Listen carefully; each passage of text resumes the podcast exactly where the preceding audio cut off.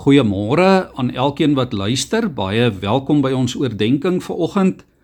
Ons staan hierdie week stil by die 1 Petrus brief en spesifiek by die 3de hoofstuk hier vanaf vers 13 tot aan die einde van die hoofstuk. En ons dink spesifiek oor die tema die gedagte van lyding.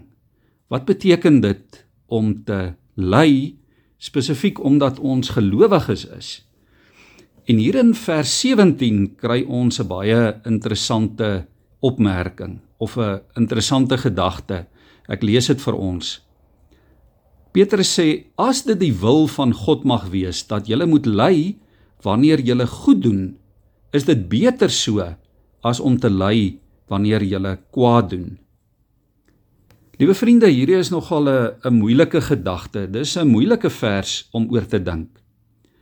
Want hoe kan dit volgens die Here se wil wees dat ons swaar kry? 'n Mens vra dit baie keer in jou lewe vir jouself. Ek is seker jy en en ek het dit al dikwels gevra.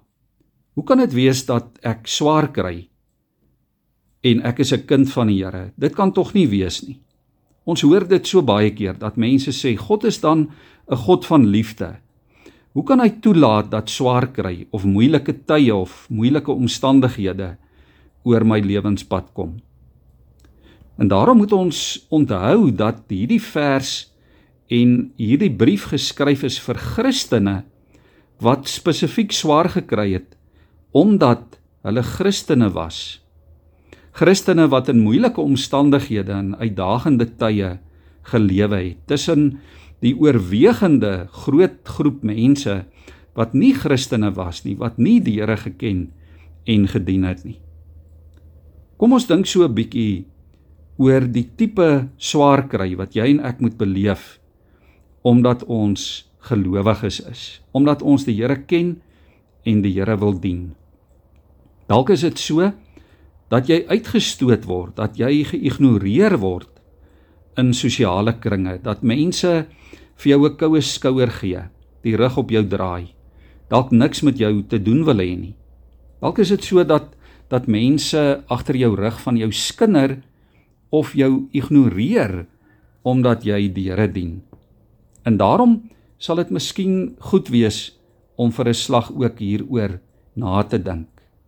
Want hierdie vers wil vir ons ook iets leer oor die wil van die Here wat die wil van God vir sy kinders is. En so met die eerste lees en met die eerste hoor, dan klink dit vir ons baie vreemd. As dit God se wil is om te ly omdat jy reg doen, is dit beter as om te ly wanneer jy kwaad doen. Dit klink nie noodwendig vir ons regverdig nie. Want dit is vir ons baie keer moeilik om raak te sien wie is reg en wie is verkeerd. Wanneer doen 'n mens nou reg en wanneer doen jy verkeerd? Party mense doen kwaad en dan dink hulle dis reg. Die omgekeerde is ook waar. Partykeer doen 'n mens reg en dan weet jy nie noodwendig dat dit reg is of dat dit spesifiek reg is in die oë van die Here nie. Miskien sal dit ons help as ons so daarna kyk en so daaroor dink om te ly ter wille van Christus is in God se oë baie meer aanvaarbaar as om te ly as gevolg van ons sonde.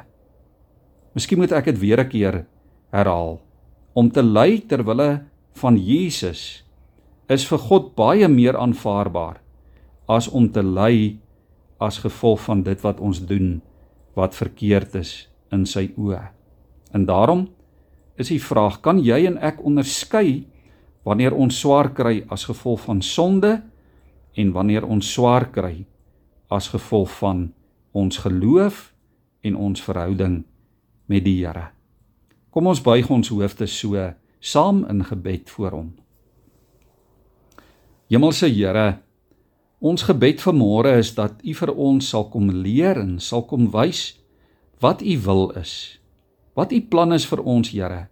Wat die goeie is wat U vir ons in gedagte het. En wat die goeie is wat U wil hê dat ons moet doen. Here, ons wil baie graag volgens U wil lewe. Al beteken dit dat ons ook 'n prys daarvoor moet betaal. En daarom is ons gebed, Here, dat U vir ons sal help om te onderskei wanneer ons swaar kry as gevolg van ons geloof en wanneer ons swaar kry, Here, omdat ons dalk sonde doen.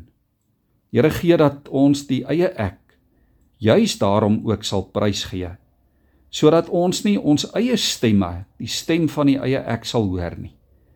Maar Here dat ons u stem sal hoor en u wil sal leer ken om dan ook die goeie te kan doen.